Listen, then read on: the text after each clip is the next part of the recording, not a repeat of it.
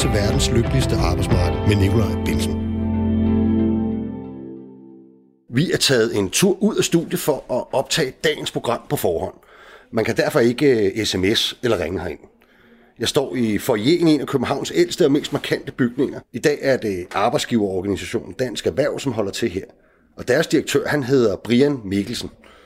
Den tidligere politiker med en mangeårig karriere bag sig som både kultur, justits, økonomi og erhvervsminister, tog et måske lidt overraskende sporskifte og gik fra politik til erhvervslivets, eller måske mere præcis til interessevaretagelse af erhvervslivets vilkår.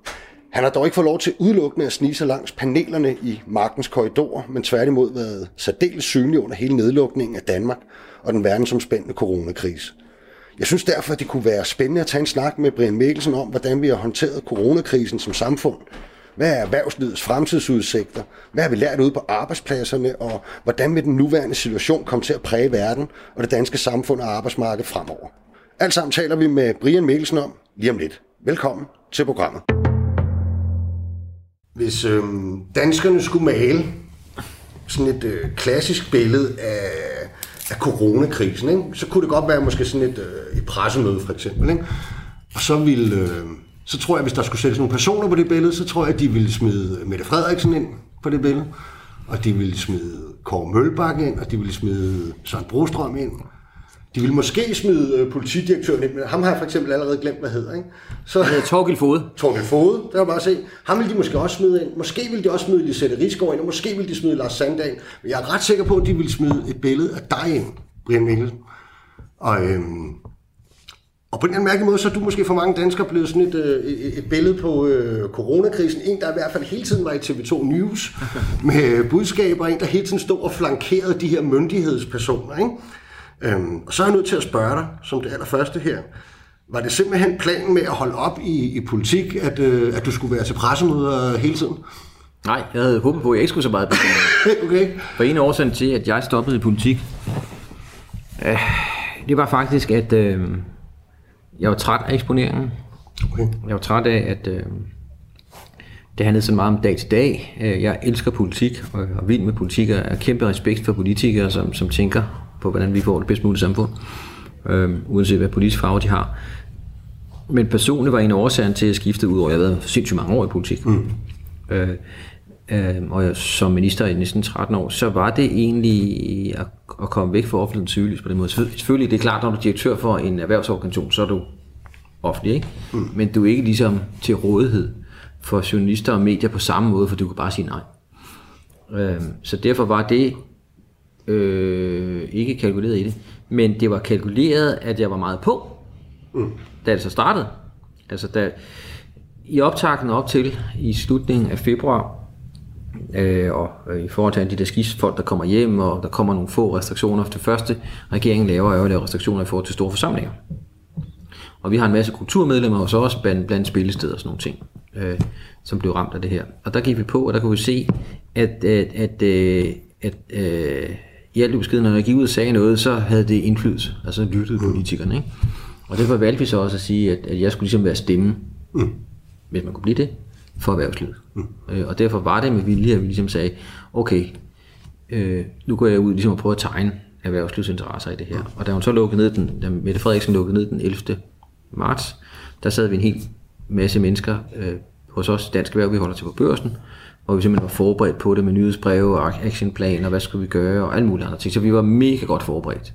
Og på den måde var vi klar til ligesom at ud til en campingkamp øh, for arbejdspladserne og for erhvervslivet. Mm. Altså, jeg tænker, at øh, jeg godt tænke mig at spørge lidt ind til lidt senere, øh, det der med sådan lidt mere, hvis jeg må, øh, med, med skiftet fra, fra politik til, øh, ja. til en erhvervsorganisation. Ikke? Men, øh, men, nu, men lad os bare starte med corona, altså nu vi er i det, ikke? fordi altså, jeg tænker, har, har øh, Altså, har, tror du, vi helt sådan har forstået endnu, eller kan du ikke prøve derfor, hvor I sad i hvert fald, ikke? og give sådan et billede af, hvad var det, der ramte, øh, hvad var det, der ramte Danmark øh, med, med den her verdensomspændende corona? Jamen, jeg opfatter det nærmest som sådan en økonomisk øh, jordskæld, ikke? som vi jo ellers ikke er vant til her i Danmark, fordi vi lever i et mm. fredsomligt samfund, hvor der ikke rigtig sker noget. Der er ikke nogen farlige dyr, der er ikke jordskæld, vulkanudbrud og alle mulige andre ting. Vi lever sgu i et meget godt samfund. Øhm, og man, det kom lidt snigende, ikke? Altså vi, vi, os der sidder her ved bordet, og alle der lytter med, kan jo huske billederne, man så fra Kina og mm. fra, fra Wuhan, og man så det sprede så forfærdelige billeder før det. Ikke? Mm. Så kom det til Italien, Norditalien, forfærdelige billeder. Øh, og jeg kan huske det er i slutningen af januar, starten af februar, hvor både Kåre Mølbæk øh, og øh, Søren Brostrøm var ude at sige, efter Kina, sandsynligheden for, at det kommer til Danmark, er meget, meget lille. Ikke? Mm. Og vi tænkte, okay, det, det, det er bare udlandet. Ikke? Ja. Og da folk så, de første øh, kom hjem, og den første var jo en journalist fra TV2, fra News, som øh, blev ramt af det her. Jeg tror også, det var med til at accelerere det, at det er selvfølgelig en fra News-organisationen, fordi så gik det hele i gule bjælker og, ja, ja. beredskab. Ikke? Det var en i der... Og var for åben tv, ja, ja, så fulgte vi ham derhjemme. Ja, ja, ja journalister og... elsker at snakke om journalister, ikke? Sorry to say, det gør det. Ikke? Ja. Øhm, og, øh, Non-taken her. Ja, ja, men det betød så, at, øh, at vi blev alle sammen kastet ind i det. Hvad sker der så? Jeg tror, fordi Mette Frederiksen håndterede den sag så godt, som hun gjorde, også døde som så alvorligt, så fik folk jo en skræk i livet den 11. marts. Ikke? Mm. Øhm, øh, vi oplevede, at virksomhederne gik fuldstændig stå fra et sekund til et andet. Altså fuldstændig stå. Mm. Øhm, og det mindede lidt om, øhm, om den øh, krise, som var i 2008, øh, øh, med hele den finansielle krise hvor jeg også, der var minister, det var jeg så ikke nu her, men det var minister, hvor man simpelthen oplevede, at Lehman Brothers skrækket, alle papkasserne blev båret ud på gaderne i New York, og fra et sekund til det andet, så gik finansiel aktivitet ned, mm. altså økonomisk aktivitet ned. Det oplevede vi her i starten af marts i Danmark. Øh, øh, jeg blev ringet op af alle mulige, for eksempel hotelejere for store kæder, som sagde, at nu havde de for første gang i historien flere afmeldinger end tilmeldinger. Mm. Ikke? Så de gik i minus. Ja. Det var sådan en første reaktion, før det ligesom var noget. Ikke? Så det var, det var frontlinjen, det var som hotellerne, restaurationerne. Vi, detaljhandlen faldt eksklusivt, fordi folk havde ikke tiltro til fremtiden på den måde, så de købte ikke noget. Øh, psykologisk, jeg ved ikke, om du oplevede det selv på samme måde, så selvom jeg har det modsatte dødsangst, fordi jeg er bare sådan en hoppebold, som bare er glad, så bliver man jo bekymret. Mm. Ikke? Øh, jeg havde forældre, som er lige under 70, så man bliver bekymret for dem, man bliver bekymret for sine børn og alt sådan noget. Ikke? Så der var sådan en masse psykose, tror jeg, der fra 11. marts og frem, hvor man både var altså sorry to say, og det er hårdt nu, hvor vi alle sammen er så smadret glade, og solen skinner, øh, dødsangste. Mm. Der var sindssygt mange danskere, der var dødsangste. Fordi man vidste jo ikke, hvad det, var for noget, det her. Ikke? Øh, vi var bekymrede øh, for vores helbred, vi var bekymrede for vores økonomi, vi var bekymrede for vores jobs. Så man skal lige, det viser lidt, hvor hurtigt hukommelsen bliver slettet. Vi skal ikke længere tilbage ind til midten af marts, før vi alle sammen var i en masse psykose mm. efter et jordskæld. Mm. Det rettede sig også op, ikke? Men altså, hvis man lige lavede stemningsbilledet øh, fra 11. 12. 13. 14. 15. 16. 17. marts, så var Danmark i knæ. Det må man sige. Det værste, altså i hele mit voksenliv, har jeg ikke oplevet sådan en situation nogensinde i Danmark. Mm. Og man, der, var, der har været meget sidenhen især, ikke? har der jo selvfølgelig været meget snak om øh, Mette Frederiksens retorik og tone, ja. og hele den her, du ved, øh, brugt ord som udskamning og, og alt det der, ikke? men hvis man sætter sig et skridt tilbage nu også, ikke, og ser, var det egentlig ikke nødvendigt? Nu siger du, hvis der skulle gøres noget meget alvorligt, og vi skulle lukke Danmark ned på den måde, vi gjorde, og vi skulle få folk til at øh, opføre sig, for det var det, det handlede om, jeg ved ikke, at opføre sig på en bestemt måde. Ja. Altså, jeg kan jo også huske, at mens det kørte i Italien og Østrig, og altså få dage inden vi lukker ned, der var der jo en sag i TV2 News med et dansk ægtepar, hvis øh, søn havde fået corona, og de mente så, at de skulle til Madeira og på ferie i 14 dage. Oh, tænkte, det kan jeg heldigvis ikke huske. Nej, men hvad alverden skulle derned efter, ikke? Altså, der var ikke noget på Madeira i forvejen, og de fik så lov at være på et hotelværelse i 14 dage, men måske bare lige for at forklare, øh, den der kriseretorik, man bruger, at det er altså også sådan noget, man er op imod. Man er op imod folk, der tænker, et helt almindeligt ægtepar. Ikke nogen, som man skulle ellers skulle kunne mistænke for at tænke skævt om det ene eller det andet, tænker, at Nå, det, ja, det er vel okay, jeg kan vel godt tage på ferie nu. Ikke? Kan man sige noget om, at, at den ledelseshåndtering, der lå i det fra Mette Frederiksens side, øh, vel egentlig også var nødvendigt på tidspunktet i hvert fald? Altså, jeg, jeg, jeg hørte til dem, som synes hun, øh, og det tror jeg mange, rigtig mange danskere synes, at hun klarede nedlukningen helt fantastisk godt. Mm. For her var der jo brug for en leder, og når folk er usikre, så er der jo brug for, at der er nogen, de kan se hen på. Mm. Altså, jeg, jeg har været, ja, jamen, jeg har været i politik så mange år, så jeg har ikke rigtig nogen helte. Fordi ja. jeg ved, at alle helte har også en anden side, og så ikke på bombe, ikke? Og jeg har kendt øh, alt lige for nogle name dropping for besøg paver og præsidenter og konger og alt muligt pissepapir. Og der er ikke nogen, der sådan rigtig... Jo, fantastiske mennesker, men der er ikke sådan, det er kun ud på en positiv side. Men, øh, men jeg har en held, det er Winston Churchill, mm. som jeg så naturligt grund jo aldrig har mødt, øh, fordi han døde før jeg blev født. Men han samlede en nation under krigen, ikke? Mm. Øh, englænderne og den frie verden, og alle de der ting, som vi ikke behøver tale så meget om. Men han, han fik med sine taler og den måde at være på, aldrig har så få gjort så meget for så mange, sagde han i forhold til de engelske piloter, som fik smidt luftfare ud af England. Mm. Øh, han har brug for en leder, og uden at sammenligne Mette Frederiksen med Winston Churchill, det tror jeg, hun vil så frabedt, og det tror jeg, at alle mine borgerlige venner vil også sikkert være så frabedt. Men, men udover det, så var hun jo øh, en samlende figur for os. Hun var en, hun var en, hun var en ægte god statsminister, mm. som man har brug for, en statsminister er i krigssituationer. Øh, og det synes jeg, den credit skal hun have, at når det endelig er, så skal en sand leder vise sin styrke. Og det gjorde Mette Frederiksen i en situation, hvor danskerne var usikre på helbred, mm. på økonomi, på fremtiden.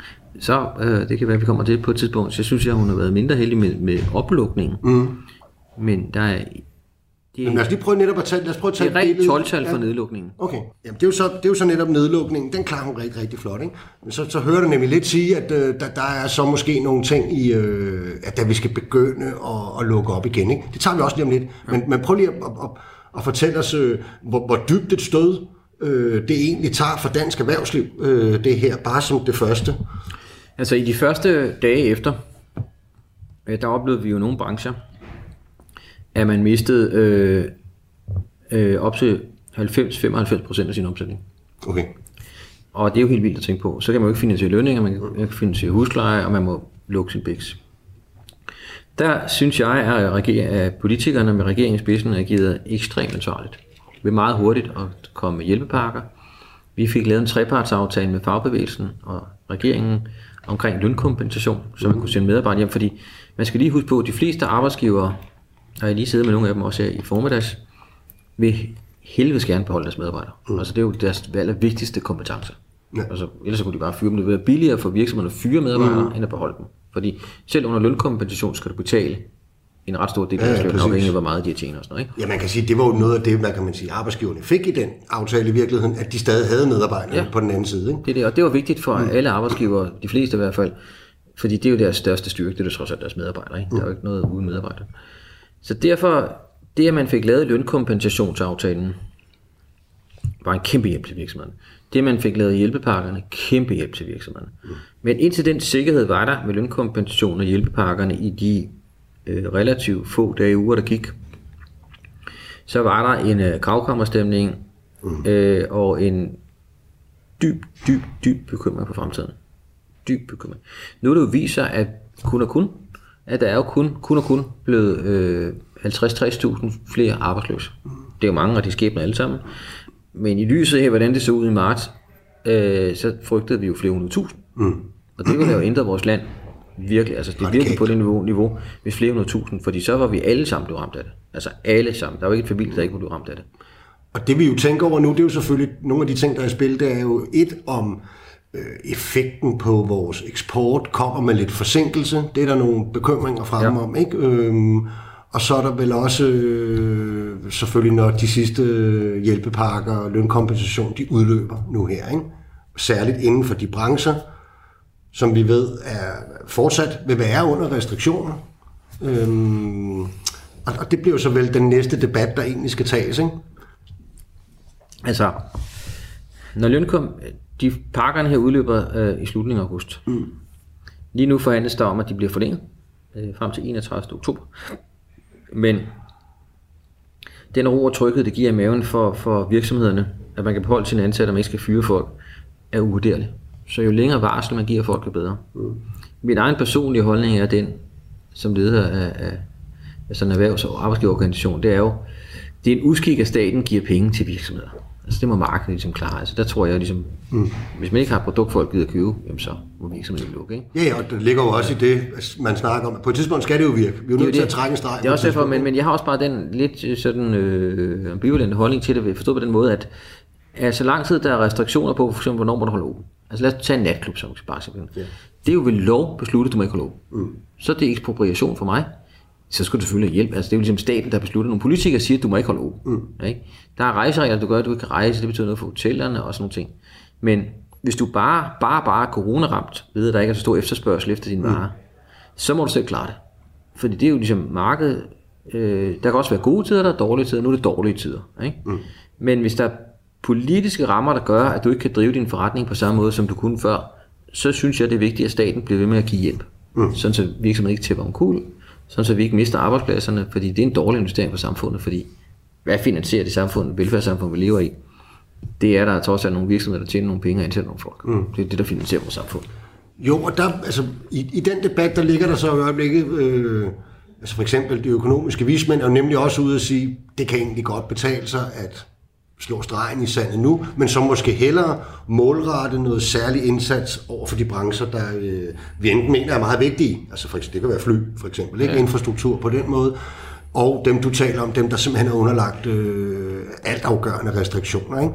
At man, øh, hvad, hvad tænker du om den tanke, at, at man i stedet for øh, sådan hjælpepakker, der også måske er lidt bredere, øh, målretter det hjælpen, om man så må sige, øh, mod, mod brancher, vi, vi har besluttet os for øh, ikke må eksistere på markedsvilkår? Jeg tænker to ting. Den ene er, jeg synes, øh, nogle af de økonomer, som har udtalt sig, har jo ret, at det, som ikke selv klarer sig selv, de, de må så dø. Det lyder brutalt, ikke? Men det må ja, ja. Øh, men øh, dem, som er ramt af politiske restriktioner, det er jo også det, jeg siger, de skal have hjælp. Omvendt, så synes jeg, de er meget teoretiske. Hmm. For lad os nu tage en virksomhed med 100 ansatte, som lige nu har det meget, meget, meget svært der har vi jo også som samfund interesse i, at de kommer igennem corona. Fordi hvis de 100 mennesker bliver arbejdsløse, så udover der er en masse økonomi i det, det er jo samfundet, der skal mm. betale det, så er det 100 familier skæbne på spil. Øh, og det er sværere at genrejse en virksomhed, som er død, end hvis den lever. Så, så hvad, hvad lever vi af i Danmark? Hvad finansierer det samfund, vi lever i? Det er trods, at der er nogle mennesker ansætter nogle virksomheder, som tjener nogle penge hjem til mm. Danmark. Ikke? Så hvis vi lukker nogle af de virksomheder, øh, så bliver vi også et fattigere samfund. Så det, det, det er et dilemma for mig. Mm. Men hvor jeg synes egentlig, man har ramt meget godt politisk indtil nu. Øh, og det forventer jeg også, man vil gøre her de kommende måneder, og så er vi forhåbentlig over det her på et eller andet tidspunkt øh, til foråret. Okay. Vi kan jo krydse fingre jo, mens, ja. jeg tager, mens jeg tager et stykke chokolade her. ja. Det er jo aktieknæs, skal jeg sige. Så jeg er jo selv ansat kulturbranche, jeg krydser meget fingre for, det, det snart ja, det over, ikke, ja. må jeg sige. Og Brian, du er direktør for, for Dansk Erhverv. Jeg tænkte, det var meget passende at spørge, hvad, hvad er det for en størrelse egentlig? Kan du ikke lige fortælle lidt det? Jo, det er en meget, meget, meget bred samling af virksomheder. Mm. Næsten 16.000 virksomheder. Og for at jeg bruger din gamle verden, er din verden, kulturens verden, som stadigvæk jo ligger mig meget på sinde, så har vi en masse kulturmedlemmer. Vi har spillesteder, museer, teatre, som er medlemmer. Og så har vi over til en anden yderlighed, kæmpe store virksomheder. Mm. Sanding Gruppen, TDC, altså alle, alle digitale virksomheder, IBM, Microsoft, Københavns Lufthavn, som er en af Danmarks største arbejdspladser. Øhm, så vi er et væld af mange forskellige virksomheder. Øh, rigtig mange inden for det digitale område. Altså vi er sådan en, en, en organisation for, for viden, for digitalisering, for innovation. Mm. Øh, så det er mange digitale virksomheder. Øh, mange life science, nogle nordiske medlemmer. Øh, og så er vi traditionelt også meget tunge på handel. Altså, det er derfor, jeg nævnte Sandinggruppen, med mm. vores store medlemmer. Sandinggruppen, de er dem, der repræsenterer Føtex og Netto og sådan noget. Ikke? Øh, så så det, det, det, det er os. En samling af forskellige virksomheder. Ja. Ja, ja, man kan godt sådan lidt i gamle dage, når man tænkte på dansk erhverv, så var det sådan meget ude i en fysisk butik eller sådan noget. Ja, jeg tænker, det, det har vel helt ændret sig også fuldstændig. fuldstændig. Altså i dag er vores største medlemmer jo nogle andre medlemmer, ikke? Mm. men stadigvæk rigtig meget handel. Okay. Altså, Danmark er jo en handelsnation, skal vi lige huske på. Mm.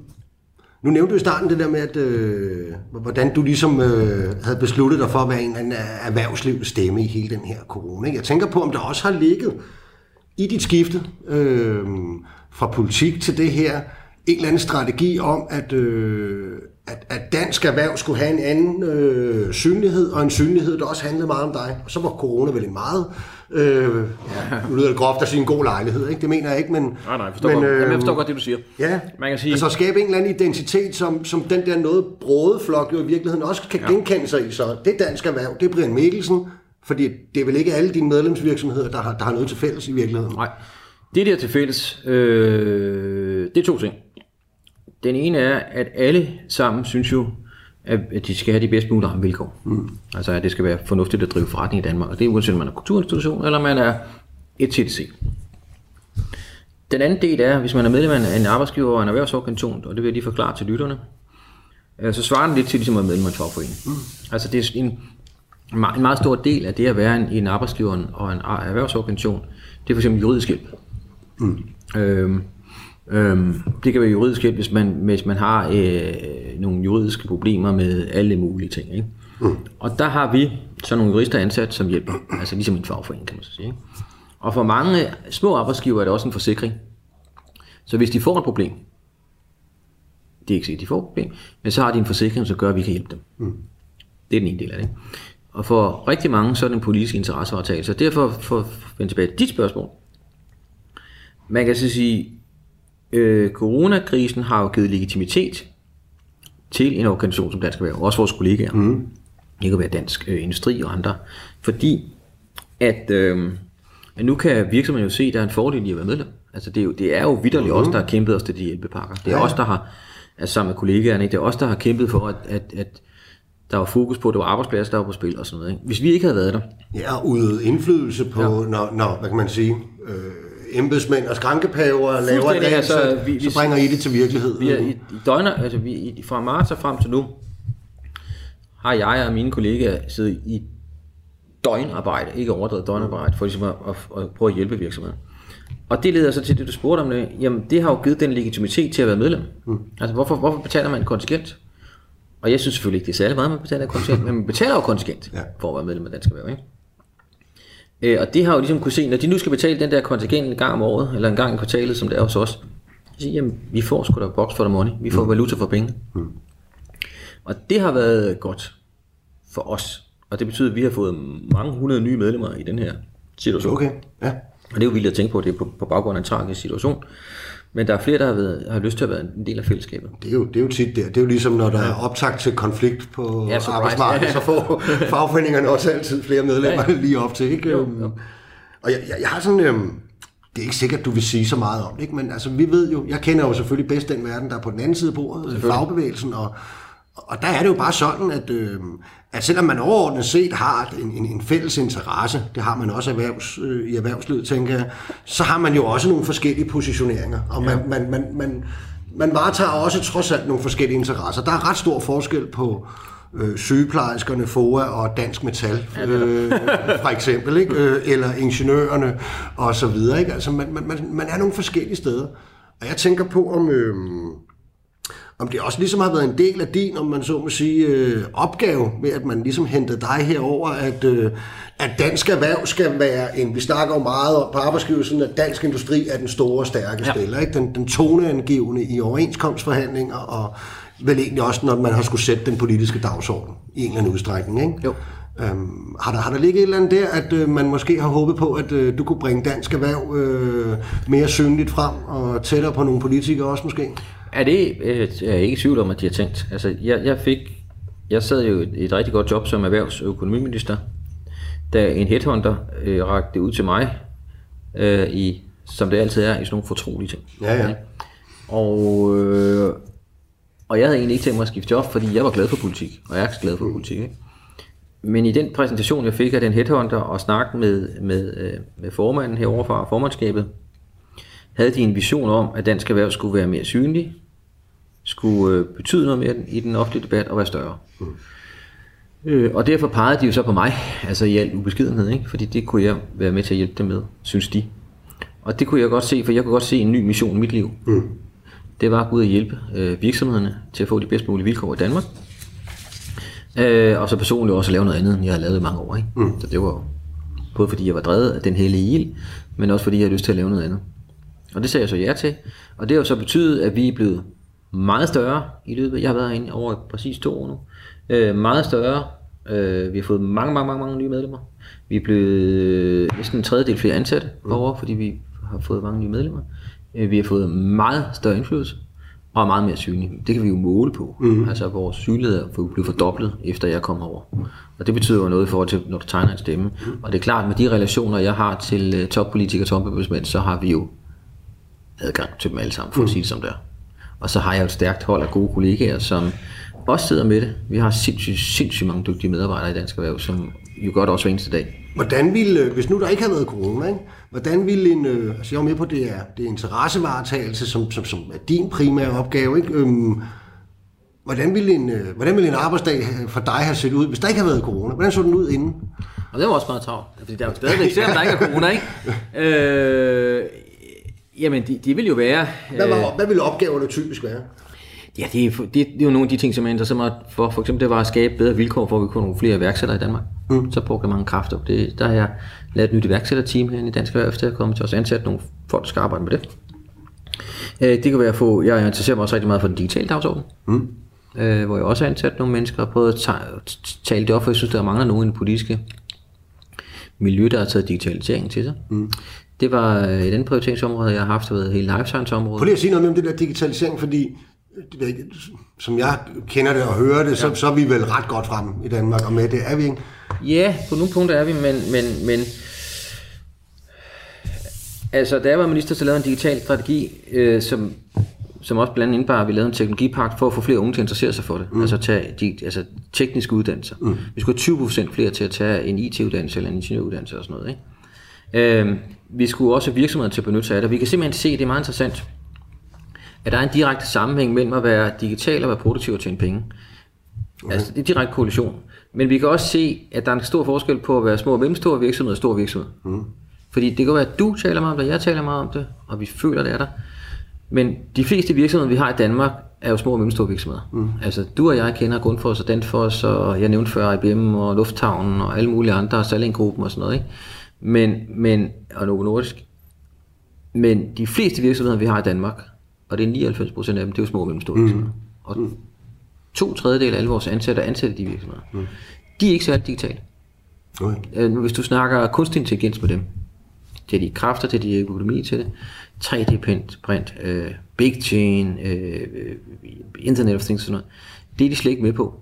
Og derfor er, er det også en opgave i at tale det frem. Mm. Altså at man bruger kunstig intelligens meget mere, fordi det kan udvikle vores virksomhed og gøre stærkere hjemme og sådan noget. Ikke? Mm.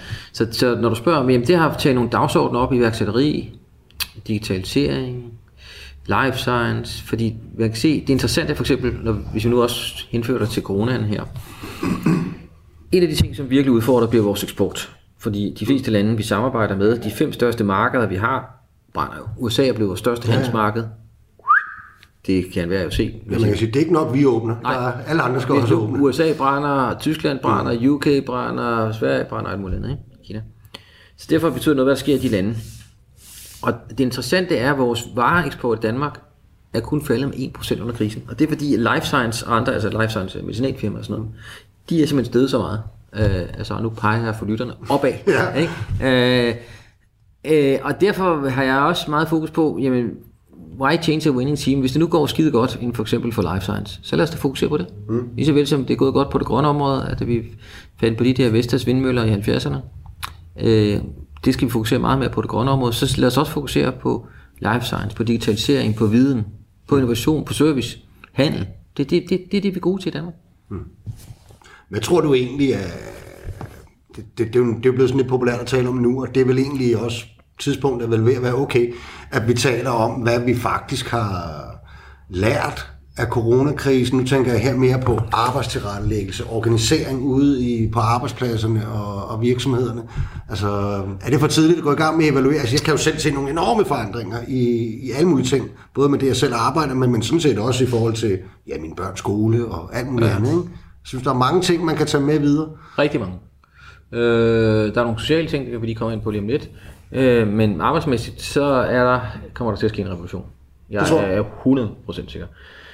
Øh, altså lad os tage helt banale ting. Rigtig mange virksomheder øh, har brugt rigtig meget tid på forretningsrejser. Mm. Lad os tage Novo Nordisk, som er Danmarks største virksomhed. 17.000 mennesker ansat i Danmark, 36.000 mennesker i alt i alt. Øh, de har lige annonceret, at de vil spare, hold godt fast, næsten en milliard kroner. Mm. Altså det er jo vildt beløb, ikke? På rejse. Og hvorfor det? Jamen, hvorfor skal de tage ud til Sydney? Eller, de har jo forretninger i hele verden selvfølgelig, ikke? Det er jo, og det, de gør det jo imponerende godt. Hvorfor skal de tage ud til Sydney holde møde, eller Sydamerika eller sådan noget? Når du nu kan gøre det på Teams, eller Skype, eller mm. Zoom, eller alle de der ting hedder, ikke? Vi brugte Teams. Ja, Teams, det kan vi også. Vi elsker Teams. Men øh, der er jo alle mulige møder. Men så, øh, ja, udover den tid, det tager at rejse derud, til de penge, mm. det er en klimabelastning, så langt færre møder udenfor. Der, det, det er den første lærer.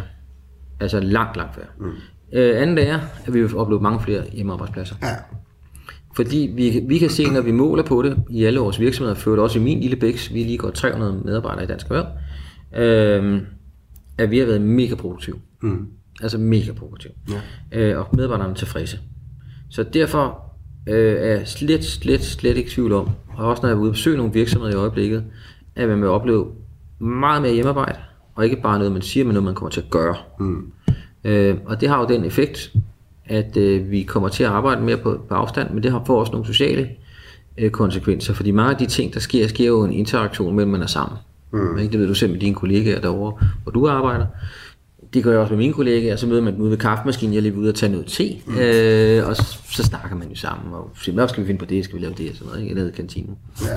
Og det vil sige, at vi skal også tænke på, hvordan vi arbejder på den måde. Mm. Ikke? Ja, jeg tror, det er sådan lidt et hippie-ord, men, men mange taler om det der med, man kan ikke mærke hinanden på samme måde på Teams, som man kan. Det synes jeg sgu ikke bare er hippie, Nå, det er rigtigt. Ja. Altså, jeg, jeg, vi, vi herinde på den her arbejdsplads i Dansk Erhverv, der lukkede vi ned øh, lige, øh, ikke den 11. 12. men om mandagen, øh, lukkede vi ned herinde fra, og øh, var mega produktive, og der var ja, sindssygt meget sket. Ikke?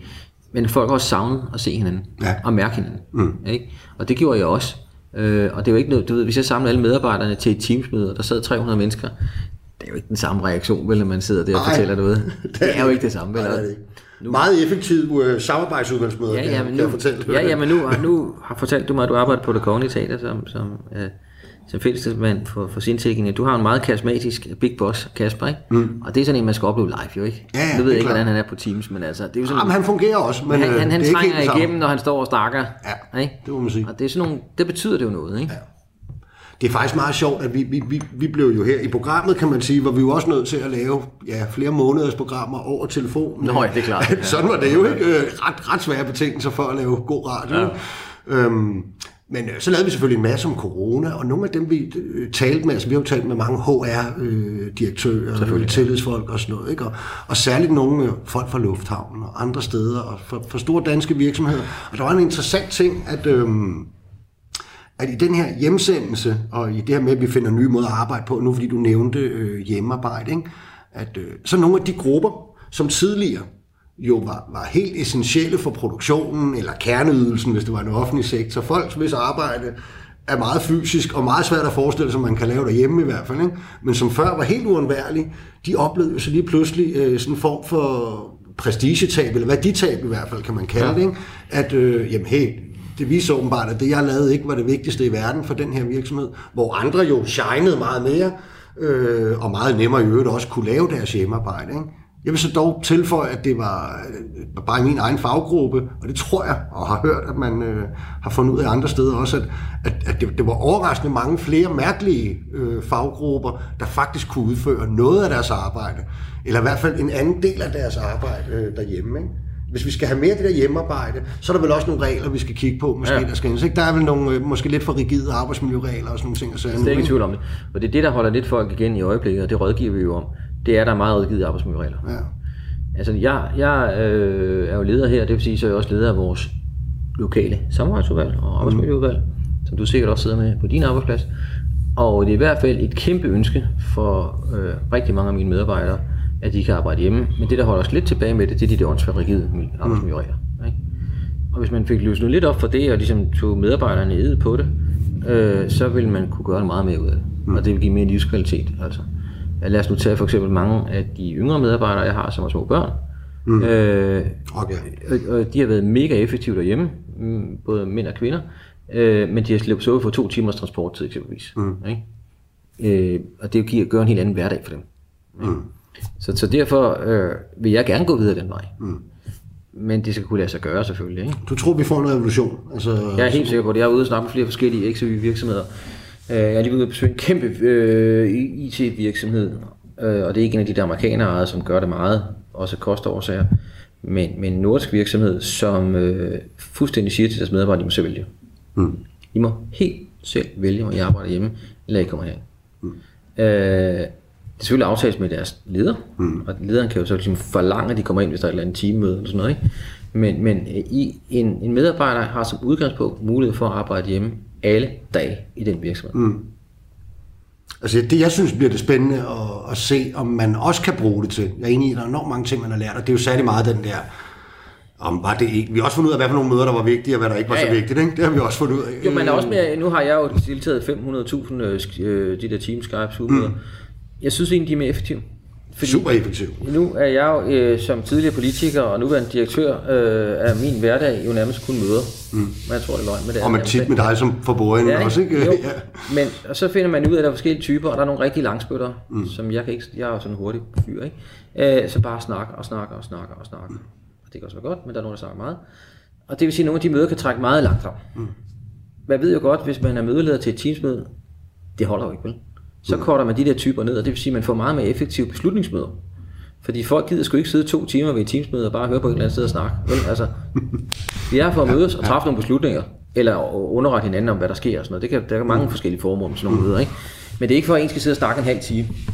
Nej, altså jeg vil sige, det jeg kan blive nervøs for, at, at det ikke kan, det er, altså det er klart, det har nogle naturlige begrænsninger sådan forhandlingsmæssigt. Altså der, der er ting, vi kan tage over Teams øh, for eksempel, men der er nogle andre ting, der kræver lidt pauser og, og sådan noget. Ikke? Det, der ligger ja. nogle ting, men jeg er måske også lidt nervøs for, at, øh, at der ryger noget kreativitet, ja. fordi at, at der, der bliver stillet så store krav til disciplinen og til at komme, komme hurtigt igennem det her. Ikke? Det er et effektivt redskab, men jeg ved ikke, om det er et, der, der holder kreativiteten kørende ja, altid. men det er den samme, jeg tror egentlig, øh, jeg er meget enig med dig i, at det hele tiden underliggende ligger der kan vi være så innovative og udvikle så meget, hvis vi sidder i nogle fællesskaber mm. og inspirerer hinanden? Fordi hvis man sidder i sin egen lille hule derhjemme, og der er det der køkkenbords øh, billede med, at man sidder ude i køkkenet og altid arbejder. Mm. Øhm, det bliver jo ikke det samme som hvis man sidder nede i frokoststuen og sidder og brainstormer. Nu har jeg selv lige spist frokost i vores kantine nu her, øh, hvor jeg ligesom er sådan og snakker med nogle medarbejdere. Det bliver jo ikke det samme, hvis jeg sidder derhjemme på Teams, og de sidder derhjemme på Teams. Mm. Fordi de kunne så fortælle mig nogle ting, jeg ikke vidste. Øh, og, øh, og det vil sige, så sidder man jo og udvikler nogle ting. Op, så kan vi prøve det, så kan vi gøre det, så kan vi gøre det. Og ofte er det jo et spontant rum, der gør, at man kan udvikle nogle ting. Mm. Fordi man, det er jo svært at være øh, kreativ og udviklende på kommando. Mm. Altså det er jo i øjeblikket, mm. man har det. Ikke? Mm. Og der, jeg, jeg tror, at fællesskaber betyder meget, at man kan udvikle med hinanden og pingpong, og det kan man også gøre på Teams. Men der er noget andet med, at man sidder med en kop te, eller man går ud en aften og drikker noget rødvin. Mm. Og, altså, mm fællesskaber er vigtige. Eller føles ud af møde. Ja, altså, jamen, jamen, så kommer mm. også noget på vej ind og sådan noget. Selvfølgelig kan man en masse ting på Teams, men fællesskaber betyder noget fagligt og ikke kun socialt. Mm. Det er jo en anden ting i det, som en dimension, vi ikke har noget at komme ind på, det er jo, at der er rigtig mange mennesker, der har brug for at være sammen med andre mennesker. Mm, det er det. Så det, jeg har hørt fra mange af mine ansatte rundt omkring de virksomheder, jeg repræsenterer, det var, at rigtig mange vil tilbage, inklusive ja. unge mødre og fædre, som bare har brug for at komme ind og være sammen mm. med nogle andre voksne mennesker, ja. og være sammen i et fællesskab og et fagligt fællesskab. Ja. Ikke? Jamen, jeg har oplevet præcis det samme. Altså, der, der er decideret nogen, der, der ikke har kunne lide det her. Ja. Altså, det har ikke været deres temperament. Det skal man nemlig også huske. Ja. De, de vil noget helt andet. Ikke? Ja. Du lytter til verdens lykkeligste arbejdsmarked med Nikolaj Bensen.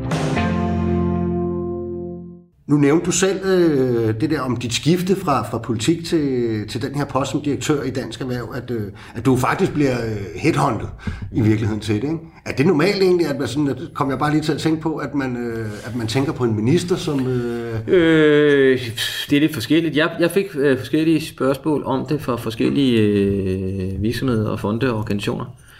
Og det var først, da jeg blev spurgt af dem her i Dansk Erhverv, øh, ligesom det passede på mit tidspunkt i mit liv. Ja, du var klar? Jeg var klar, fordi jeg var minister så mange år i politik så lang tid, og jeg var ikke utilfreds med politik, jeg var ikke utilfreds med noget som helst. Men du ved, lige som nogle gange er der bare et vindue i ens liv. Mm. Og da de kontaktede mig, og jeg snakkede ført med min kone om det, kiggede på hende og sagde, what the hell? Mm. Ikke? Hvis det skal være tid til et sporskifte i dit liv, så er det nu. Ja. Og jeg havde lyst til det. Øh, min familie bakkede mig op, øh, og så har jeg fået det fedeste job, du kan forestille dig, mm. og det fedeste liv øh, og det mest interessante, øh, jeg overhovedet kan forestille mig. Så jeg hører til dem, som er glad for at være ude af politik, uden at tage afstand fra politik. Mm. Men jeg er super glad for at være ude af politik. Så du, kan i virkeligheden sige, at der er faktisk et liv efter politik? Ja, det siger jeg til alle mine kollegaer, hver gang jeg mødes med dem derovre på den anden side, og også til ministerne.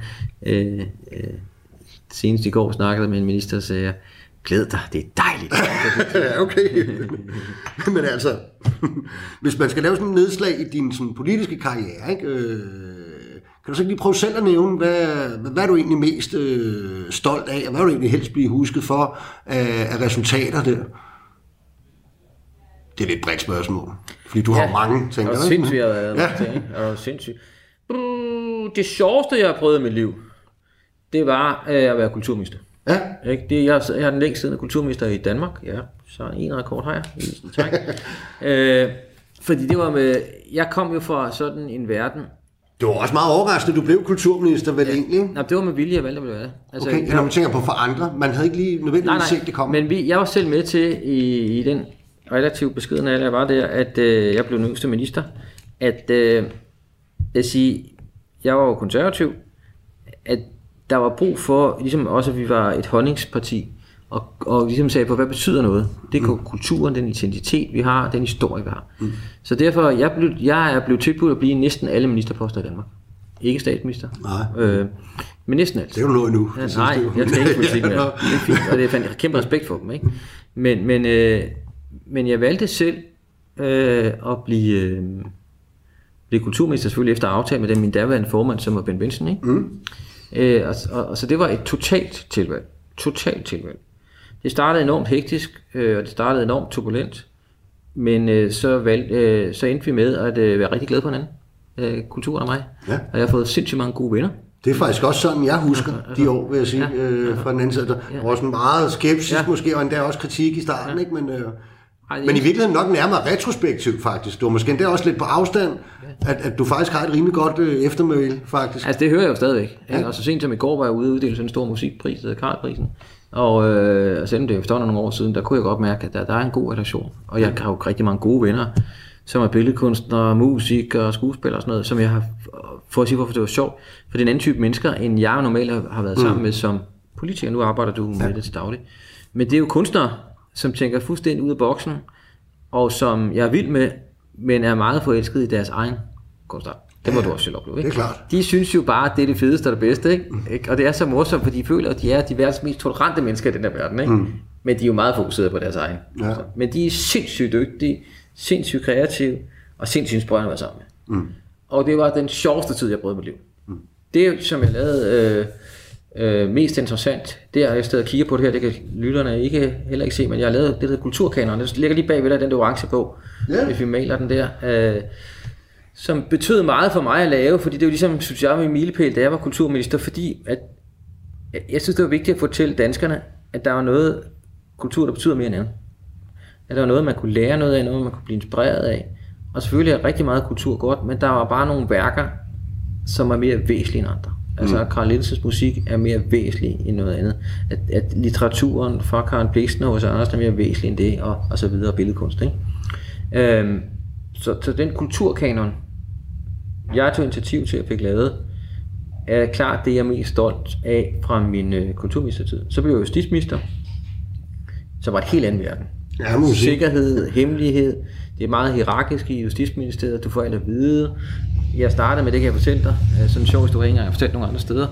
Øh, jeg blev justitsminister en torsdag. Lørdag aften sad jeg ført med nogle øh, forskellige filmfolk, skuespillere, X og Y, øh, som de fleste vil kende. Øh, og de sad til middag hjemme med mig, fordi vi ligesom skulle fejre, nu er jeg stoppet som kulturminister. De fejrede ikke, jeg forlod dem, men vi ligesom fejrede nu. Nu har det været det, ikke? Øh, jeg blev justitsminister, så blev jeg ringet kl. halv 10 af PET-chef, der på det tidspunkt hed Jakob Scharf. Han er blevet relativt kendt, fordi han har været en retssag siden og alt muligt andet.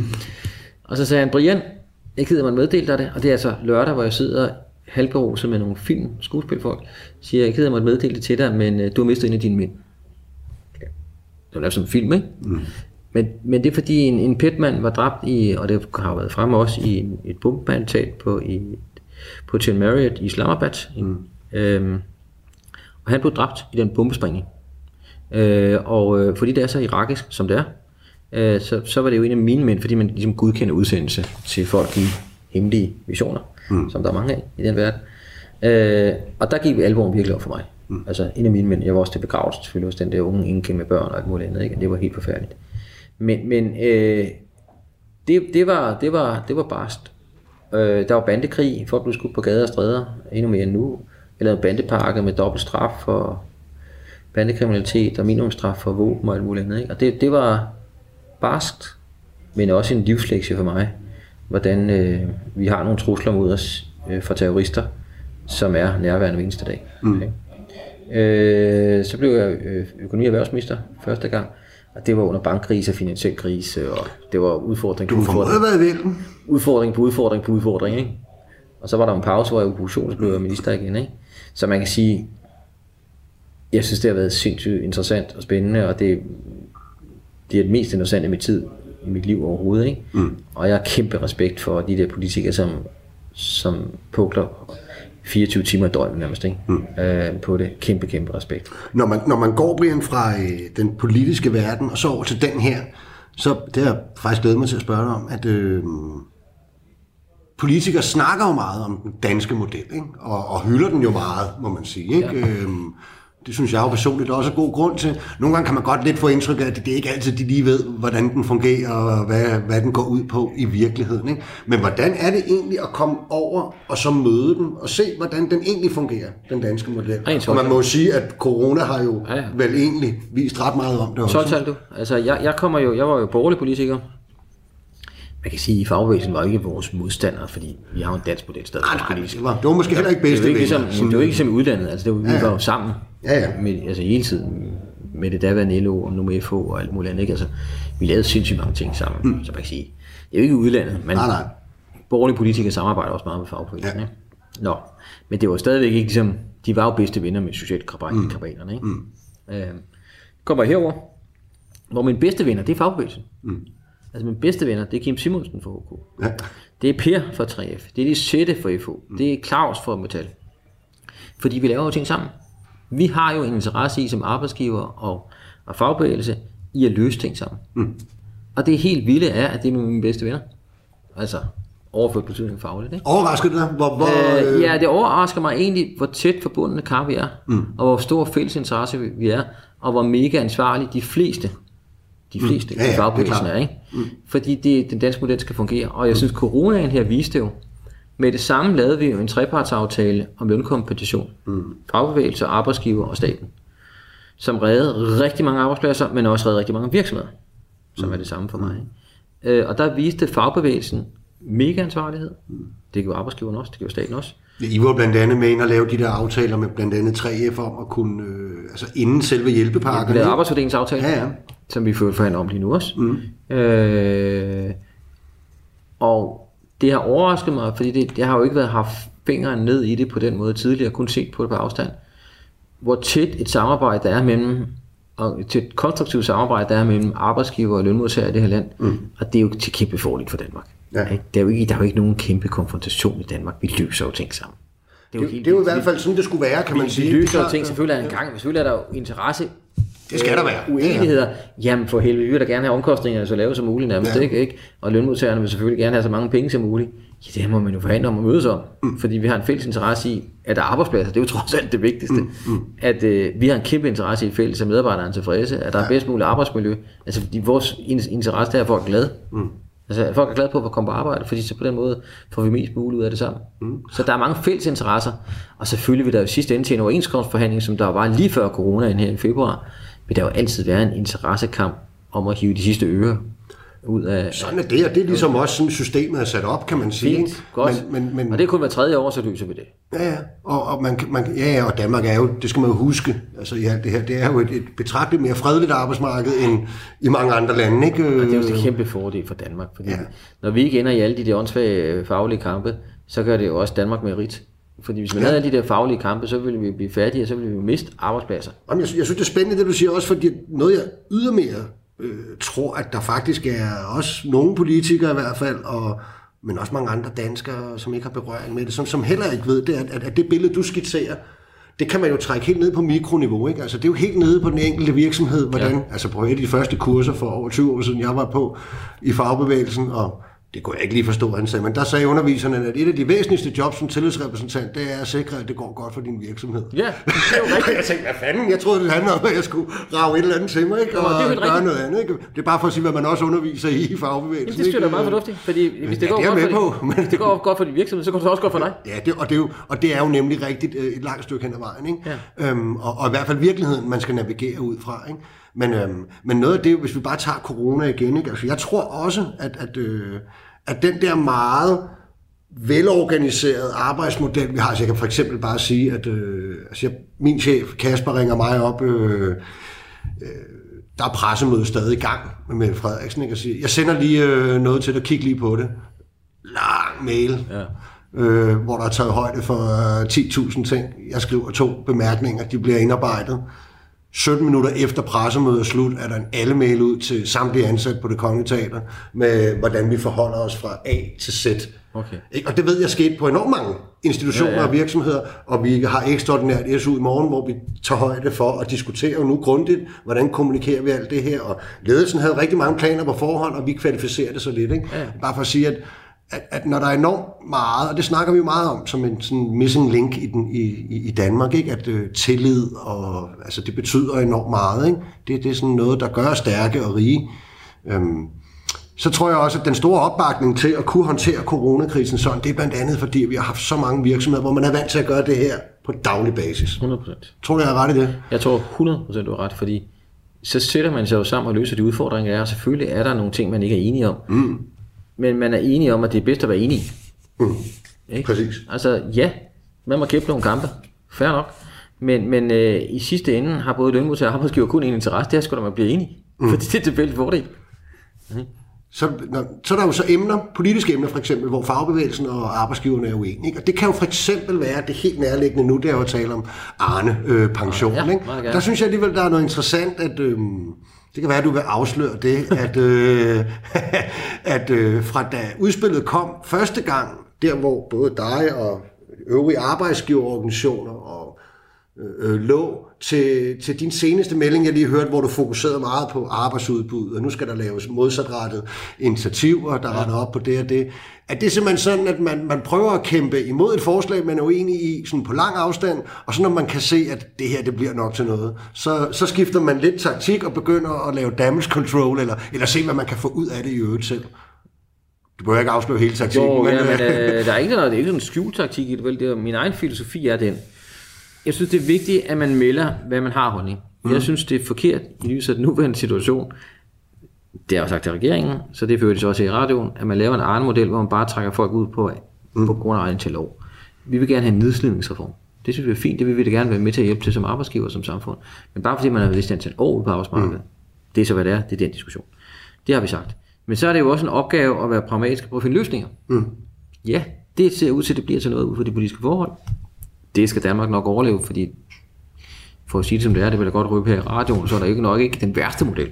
Der. Vi er mod modellen, men det er ikke den værste ja, model der, vel? Den er, den er øh, økonomisk acceptabel, kan man så sige, ikke? selvom vi er imod den.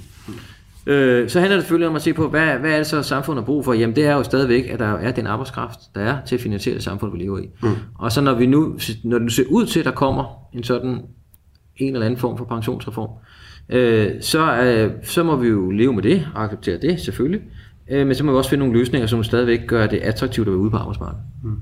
Det kan være at se på, hvordan man kommer hurtigt igennem en uddannelse ved at kigge på SU'en. Det kan være at sørge for, at der bliver nogle bedre seniorforløb, man får noget belønning for at blive ude på arbejdsmarkedet. Altså nogle gulerodsordninger mm. i stedet for. Mm. Okay. Her til allersidst, Brian Mikkelsen, øhm, hvis du lige sådan på et minut eller to skulle tegne sådan fremtidsbillede af, af arbejdsmarkedet, og i hvert fald noget af det, som dansk erhverv vil, vil arbejde med på den anden side af, af corona for eksempel, hvad, øh, hvor er det så især, I sætter ind? Og hvordan ser det ud? Der Jeg tror, at den måde, vi kan over, komme til at overleve på i Danmark, det er, at vi får en meget mere digitalt automatiseret øh, samfund, fordi produktionsarbejdspladser bliver svære i Danmark. Altså, mm. Alt andet lige, det bliver ikke. Øh, så den måde, vi, vi kan gøre det på at være mere digitale, mere meget mere vidensorienteret, hele tiden efteruddanne folk, viden sørge for at få de bedst mulige uddannelser, mm. så vi kan tillade os at kræve lidt mere for varerne i Danmark, og på den måde lønne folk lidt bedre i Danmark, end man gør i andre lande, øh, så vi kan opretholde vores velfærdssamfund. Så det er fokus på viden, viden, viden, digitalisering, digitalisering, digitalisering, og så fastholde den danske model med mest muligt samarbejde, som jeg synes er vanvittigt god. Hvad er den grønne omstilling? Jamen det vil give en masse gode forretningsmuligheder, så det har god, to gode øh, formål. For det første er vi med til at redde planeten og hinanden og vores børn, mm. og for den anden, så, så kan vi bare se, at hele verden vil komme til at hige og søge efter det. Så derfor tror jeg rigtig meget på, at vi kan have, gøre rigtig meget på den grønne opstilling med nye ting. Okay. Og sidste spørgsmål. Vi, øh, vi ser ikke lige pludselig Brian Mikkelsen øh, springe ud som borgmesterkandidat og vende tilbage til den gamle Nej, verden. Aldrig nogensinde, og nu er det så øh, øh, citeret i radioen.